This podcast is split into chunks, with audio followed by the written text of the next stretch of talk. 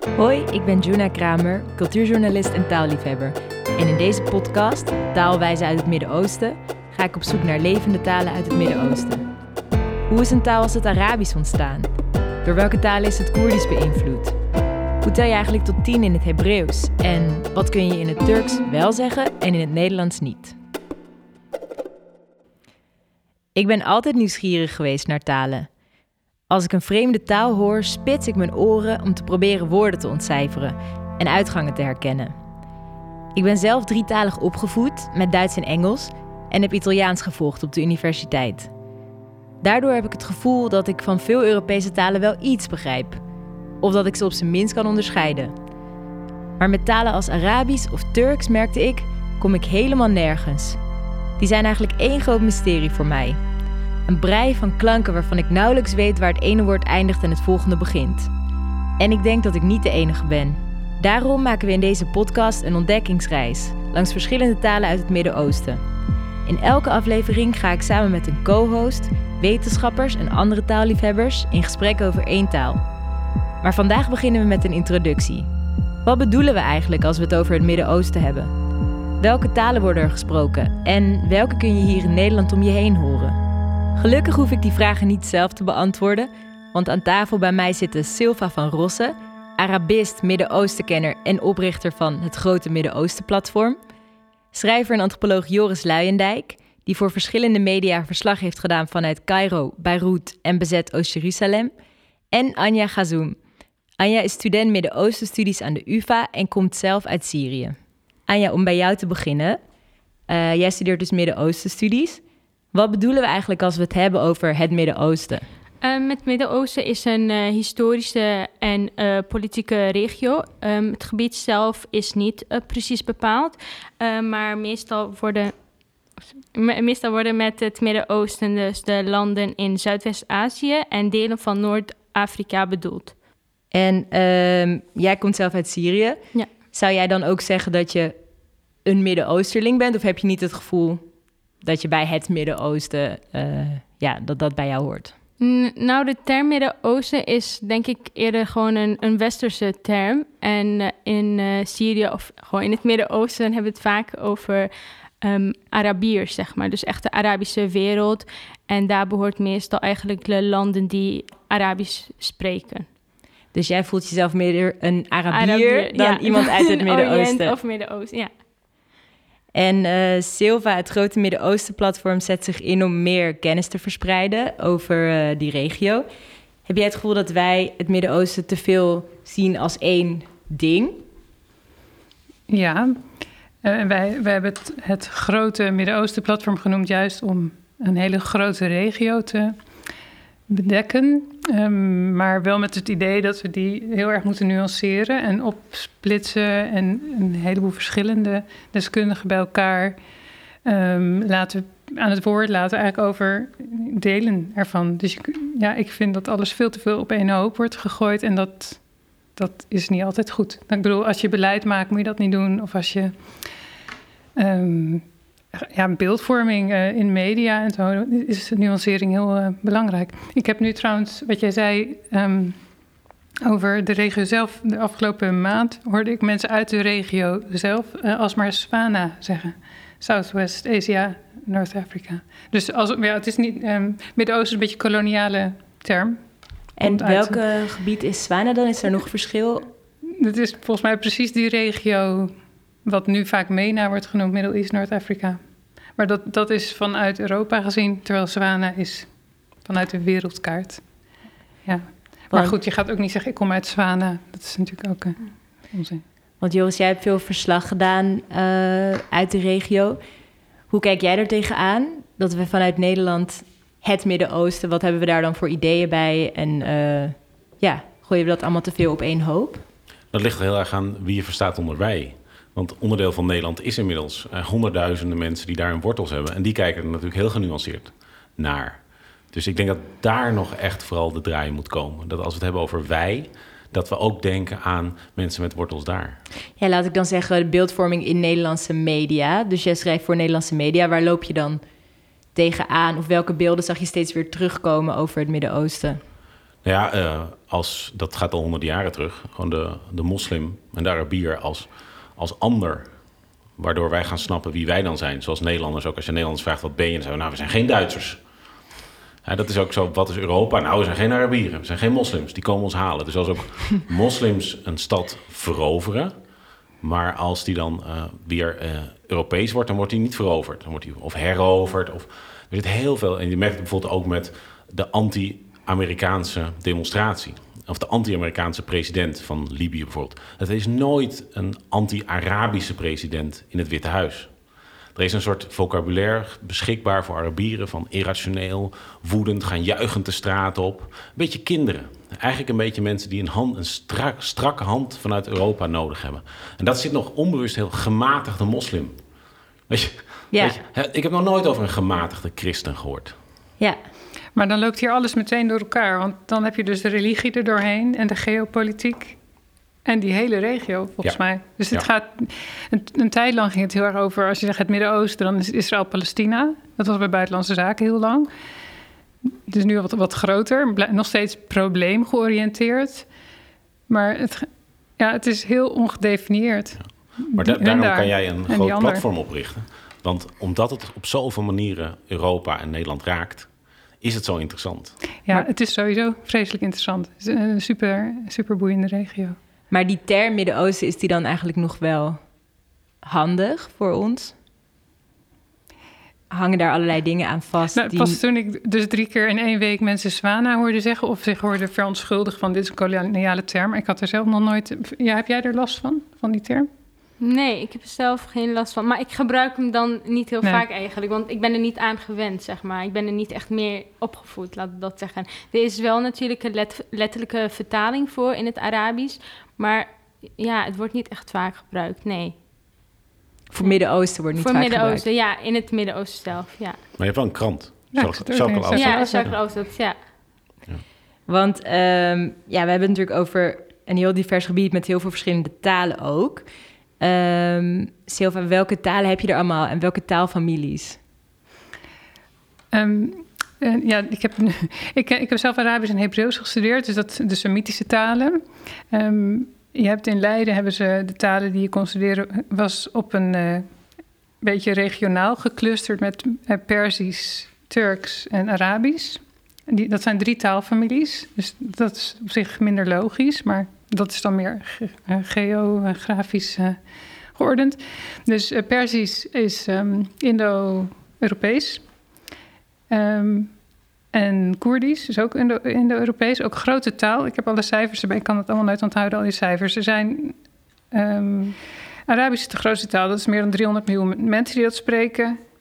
Turks 80 miljoen, ook groot. Dat is een eigen taalgroep. En dan Koerdisch is ook meer dan 30 miljoen mensen. Perzisch 70 miljoen, alleen al in, in uh, Iran. En dan nog een heleboel buiten Iran, in uh, Afghanistan en zo. Um, Hebreeuws is veel kleiner, 10 miljoen of zo. Ook wel mensen buiten Israël. En dan heb je nog Berber, en dat zijn ook meer dan 30 miljoen sprekers. Dus dat zijn enorme uh, ja. grote groepen. En welke worden daarvan in Nederland veel gesproken? Ja, die allemaal. Behalve Hebreeuws. Ik bedoel, je hebt iets van 10.000 Israëli's in Nederland. Maar je hebt uh, 100.000 Syriërs, 400.000 Marokkanen, waarvan meer dan de helft Arabisch spreekt. Uh, hon, ik ben echt heel slecht met cijfers. 100.000 Turken. Nee, 400.000 Turken. Ja. ja. dus allemaal Turks. Heel veel. Iraniërs ook heel veel. Um, ja, dus het is allemaal om ons heen. Ja. En dat Syrisch, dat hoor je echt toenemen. Dat, dat uh, was vroeger ja. heel... Het hoort nu echt uh, elke dag op straat. Ja? ja, ja, ik vind het heel gezellig. ja, wat kunnen we er even... Want hoe klinkt het Syrisch dan voor jullie? Want jullie spreken eigenlijk alle drie Arabisch. Um, maar jij hebt het in Egypte geleerd. Ja, dat is echt een, ander, echt een ander dialect. Ja. Dat is echt de eerste keer dat ik ook in Syrië was. Echt, nou, Marokkaans volg ik al helemaal niet. En uh, Syrië vind ik ook echt zwaar. is ook een hele andere intonatie. Zoals, zoals wat is dat? In het Egyptisch gewoon Eda. Gewoon uh. En in het Syrisch? Uh, shuhad, shuhad. Ligt eraan natuurlijk ook. Ik zou, um, uit Aleppo zou ik shuhada zeggen. Maar in het algemeen zou je zeggen shuhada. Ja. Dan zou je weer, ja. En Libanees is dan weer shuhada. Shuhada. Ja, ja, dat is waar, ja. ja. ja. Maar eh, jij hebt dat toen in Egypte, heb je dat toen echt een cursus gedaan of heb je het vooral geleerd? Ja, gewoon. Eerst een cursus, want je moet wel iets van een basis hebben. Want het is alles is anders in die Ja. taal. Alles. Echt op een manier zoals Grieks alles anders is. Echt. Ook, ze, ze zijn ook zo trots woorden als toerisme of foto of seks of zo. Daar hebben ze allemaal hun eigen woorden voor bedacht. Je krijgt niks cadeau in die taal. en bijvoorbeeld, wat is de naam van dat meisje? Dat is Il binte die is e. Dat is dat het meisje dat, naam haar wat. Dus zonder eh, het werkwoord zijn. En je gooit, je gooit de hele volgorde om. Nou, voordat je dat in je hoofd hebt, dat duurt zo lang. En eh, daarvoor moest ik wel een basiscursus. En daarna heb ik gewoon mensen opgezocht die nog slechter Engels kenden dan ik Arabisch. En dus je bent gewoon begonnen met maar zeggen wat je wist, je ergens aan vasthouden en kijken of je ergens kwam. Eigenlijk wel, ja. Ja. Want eh Silva, jij hebt ook Arabisch geleerd, maar op een heel andere manier volgens mij. Echt met een cursus. Nee, ik heb, Een ik, ik heb eh, cursus. Arabisch gestudeerd aan de universiteit. En toen ik daar afkwam, kon ik niet praten. Dus toen hadden we echt... Nou, in, wat, in het eerste jaar krijg je vijf, jaar, eh, vijf uur per week grammatica, eh, klassiek Hebreeuws en vijf uur Arabisch. Dus, en dat lijkt heel erg op elkaar, dat uh, klassiek Hebreeuws. Dus dat is keihard. Nou, het is een hele complexe grammatica, ook heel gaaf. Dus daar zit, het is heel interessant hoe het in elkaar zit. Dus dat is gewoon hard studeren. En dan gingen we de Koran lezen en Bedouinenpoëzie en hele oude klassiekers en een beetje moderne, absurdistische eh, literatuur. Dat je wat is dit? En toen gingen we eh, het tweede jaar naar Egypte. En voor een half jaar, nou, toen kon ik niks. Dus heb ik ook een heel klein beetje Egyptisch geleerd. Pas na mijn studie ben ik, eh, ik heb een masteronderzoek in de Westbank gedaan.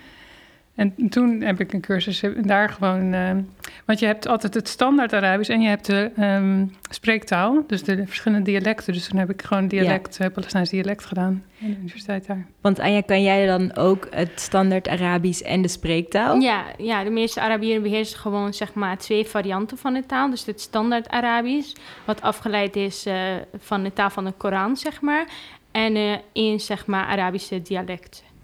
En als jij bijvoorbeeld praat met iemand uit Egypte, kan je die dan verstaan? Of- Ja, ja, ja, ik kan hem wel verstaan. Ja, maar dat komt natuurlijk ook een beetje door de filmindustrie van Egypte, wat heel bekend is in het Midden-Oosten. Waardoor denk ik de meeste mensen het gewoon wel begrijpen en eh, ja, beheersen. Ook een beetje. ja. Maar andersom, verstaan Egyptenaren ook andere mensen uit andere Arabisch sprekende landen? Ja, naar mijn gevoel is het minder. Ik denk Ja, dat, ja, minder. toch? Ja, minder. Ja, Ja. ja, minder. Het is ook al heel wat, hè, want je hebt dus vaak ook nog een regionaal dialect. Je hebt eigenlijk dus een regionaal dialect. Dan heb je de, de nationale variant van het Arabisch. Dus het, zeg maar de wat we dan spreektaal noemen. Daar hangt dan weer dat modern standaard Arabisch boven... wat je bijvoorbeeld op Al Jazeera hoort. En dan heb je eigenlijk ook weer de Koran... die toch ook nog best wel anders is dan dat modern standaard Arabisch. En dan ben je nog, moet je nog maar Arabier zijn. Want als je bijvoorbeeld dus Koerd bent of Berber of zo... dan heb je ook weer een andere taal. Dus het is, zo, het is zoveel talen hebben die mensen in hun hoofd vaak. Om gek van te worden. Maar, maar wat is de overkoepelende... Want stel je bent inderdaad Koerd of Berber of eh, je komt uit Iran... spreek je dan ook Arabisch, standaard Arabisch... om je, verspreekbaar, om je verstaanbaar te maken in de rest van de regio? Of...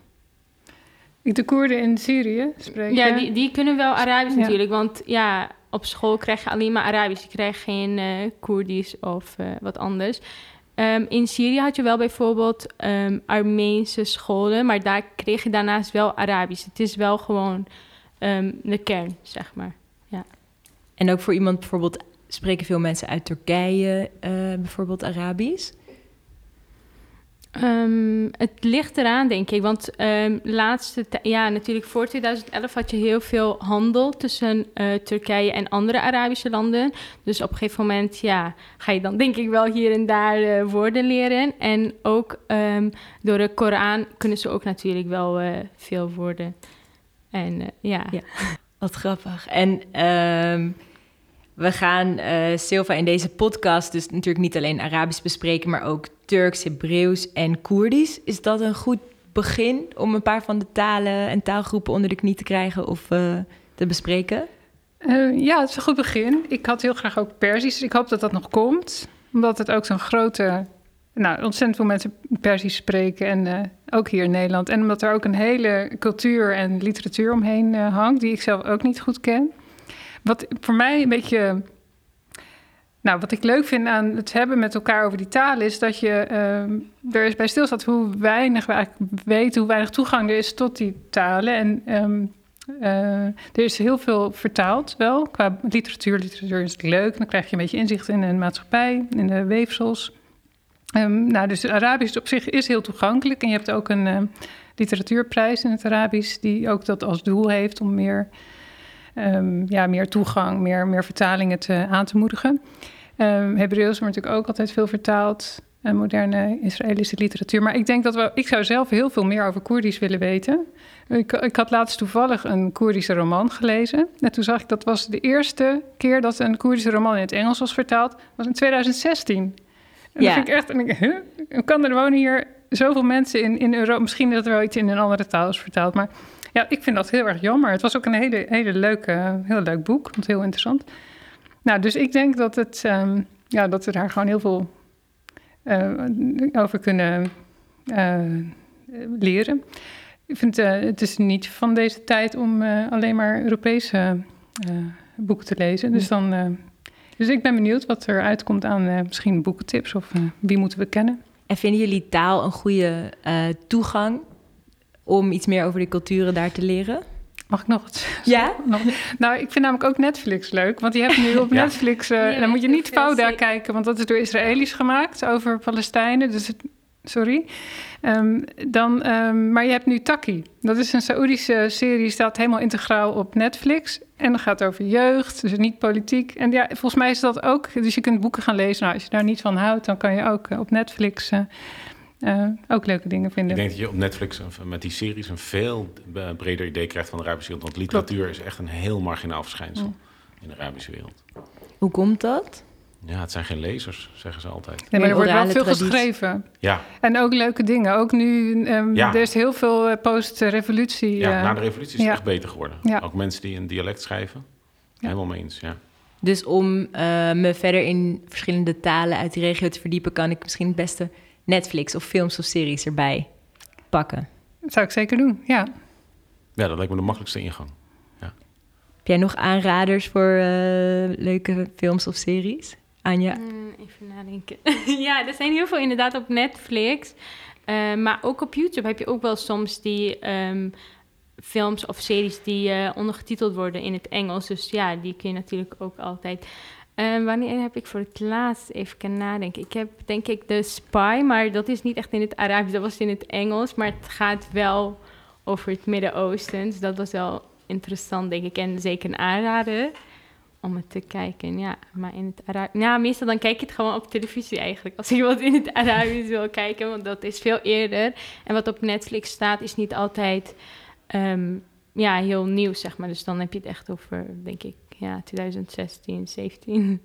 En ook niet. En volgens mij op Netflix hier in Nederland zijn de meeste series um, over Egypte. Dus echt in het Egyptisch. En je hebt bijvoorbeeld heel veel uh, Libanees of Syrische series en films die uh, ja, kun je niet op Netflix zien. Dus. Kunnen jullie me tot slot, als jullie met z'n drie Arabisch zouden praten, zou dat lukken met jullie verschillende dialecten? Ja, akid. Yalla. ندردش شوي عشان عشان نوري لل مش مش مشاهدين مستمعين مستمعين مشاهدين oh nee مستمعين ja مستمعين مستمعين ja Joost, toen jij het Arabisch ging leren, had je toen het gevoel dat je echt helemaal uh, aan het begin niemand kon verstaan, niks kon en echt uh, helemaal los aan het zwemmen was erin? Of ja. waar ja, begon je dan?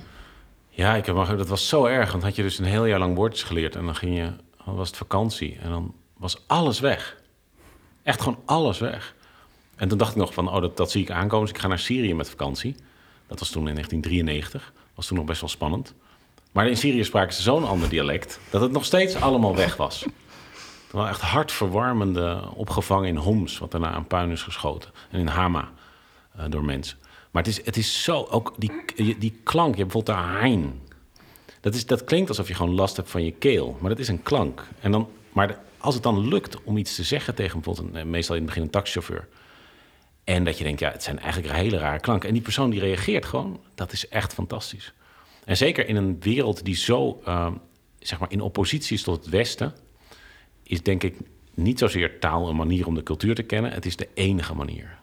Als je er echt beeld van krijgt. Hetzelfde als in Nederland. Als jij hier als Chinees komt en je kent alleen Chinees. En je bent helemaal afhankelijk van Chinezen die Nederlands kennen. En van Chinese media in Nederland.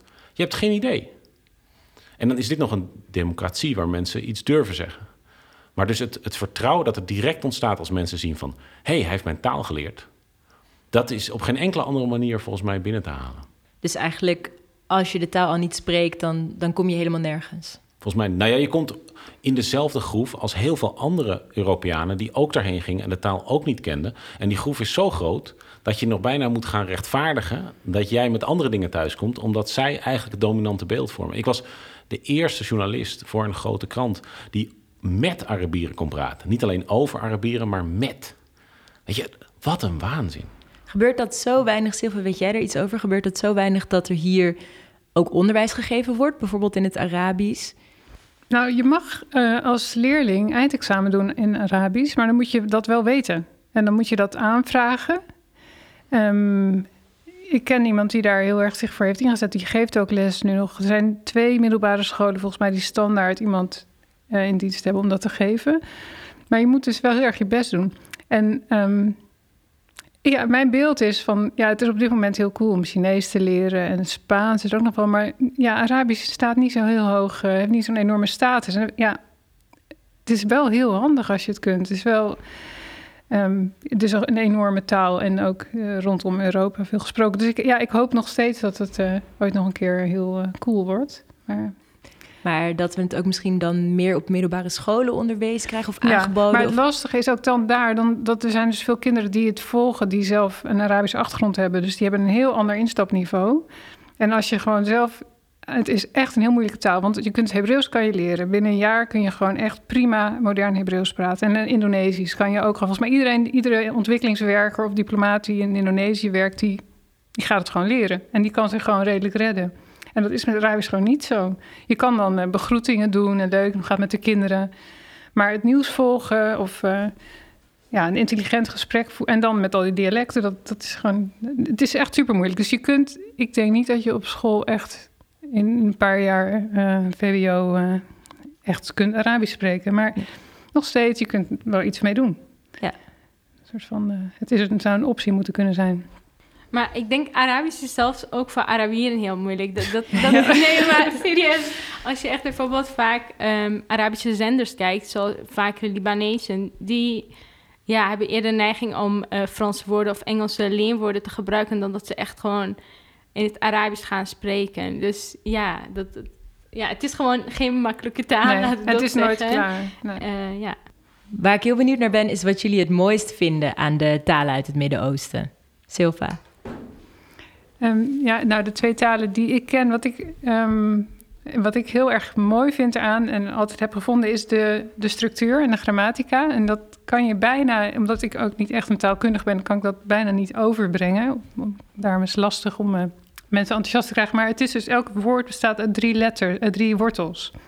Dus een, het standaard voorbeeld is schrijven, kataba. Dus en heb je, kan je eindeloos variëren op dat woord uh, met die drie letters. Um, Maktaba is dan bureau, of katib is schrijver, maktub is geschreven. Ja, ik vind dat echt uh, um, een feestje. En dat is in het Hebreeuws ook. Uh, dus je kan ook heel vaak een beetje gokken. Dan denk je, nou, er staat een woord in, hmm, je moet iets te maken hebben met, uh, met woede of zo. Um, nou goed, dus dat is heel leuk voor mensen die dat ook weten. Dan kan je daar hele intelligente, leuke gesprekken over voeren en lol aan beleven. Je kan het ook zelf een beetje verzinnen dus en dan snapt een ander het ook al is het niet. Want dan weet je van de vorm 4, dan weet je dat iets veroorzaakt. Dus dan doen schrijven of zo. Dan, ja, dus goed. Heel, heel leuk voor de... Ja. Voor als, je, als je er zo naar kijkt. En jij, Joris? Het wordt, uh, uh, het wordt Camus. betekent zowel woordenboek als oceaan. Wauw. En hoe uh, verbind je die twee dingen aan elkaar? Nou, dat vind ik, dat getuigt van zo'n wijsheid. Dat vind ik echt fantastisch. Dus eigenlijk dat uh, een, woorden, een boek te klein is om al die woorden in te vatten. En dat je eigenlijk gewoon een hele oceaan aan taal tot je beschikking hebt. Ze gebruiken het woord oceanisch wel voor iets wat, wat altijd weer groter is. Er is geen einde aan de oceaan. En alles verwijst naar elkaar in een taal. Precies zoals dat water allemaal met elkaar in verbinding staat.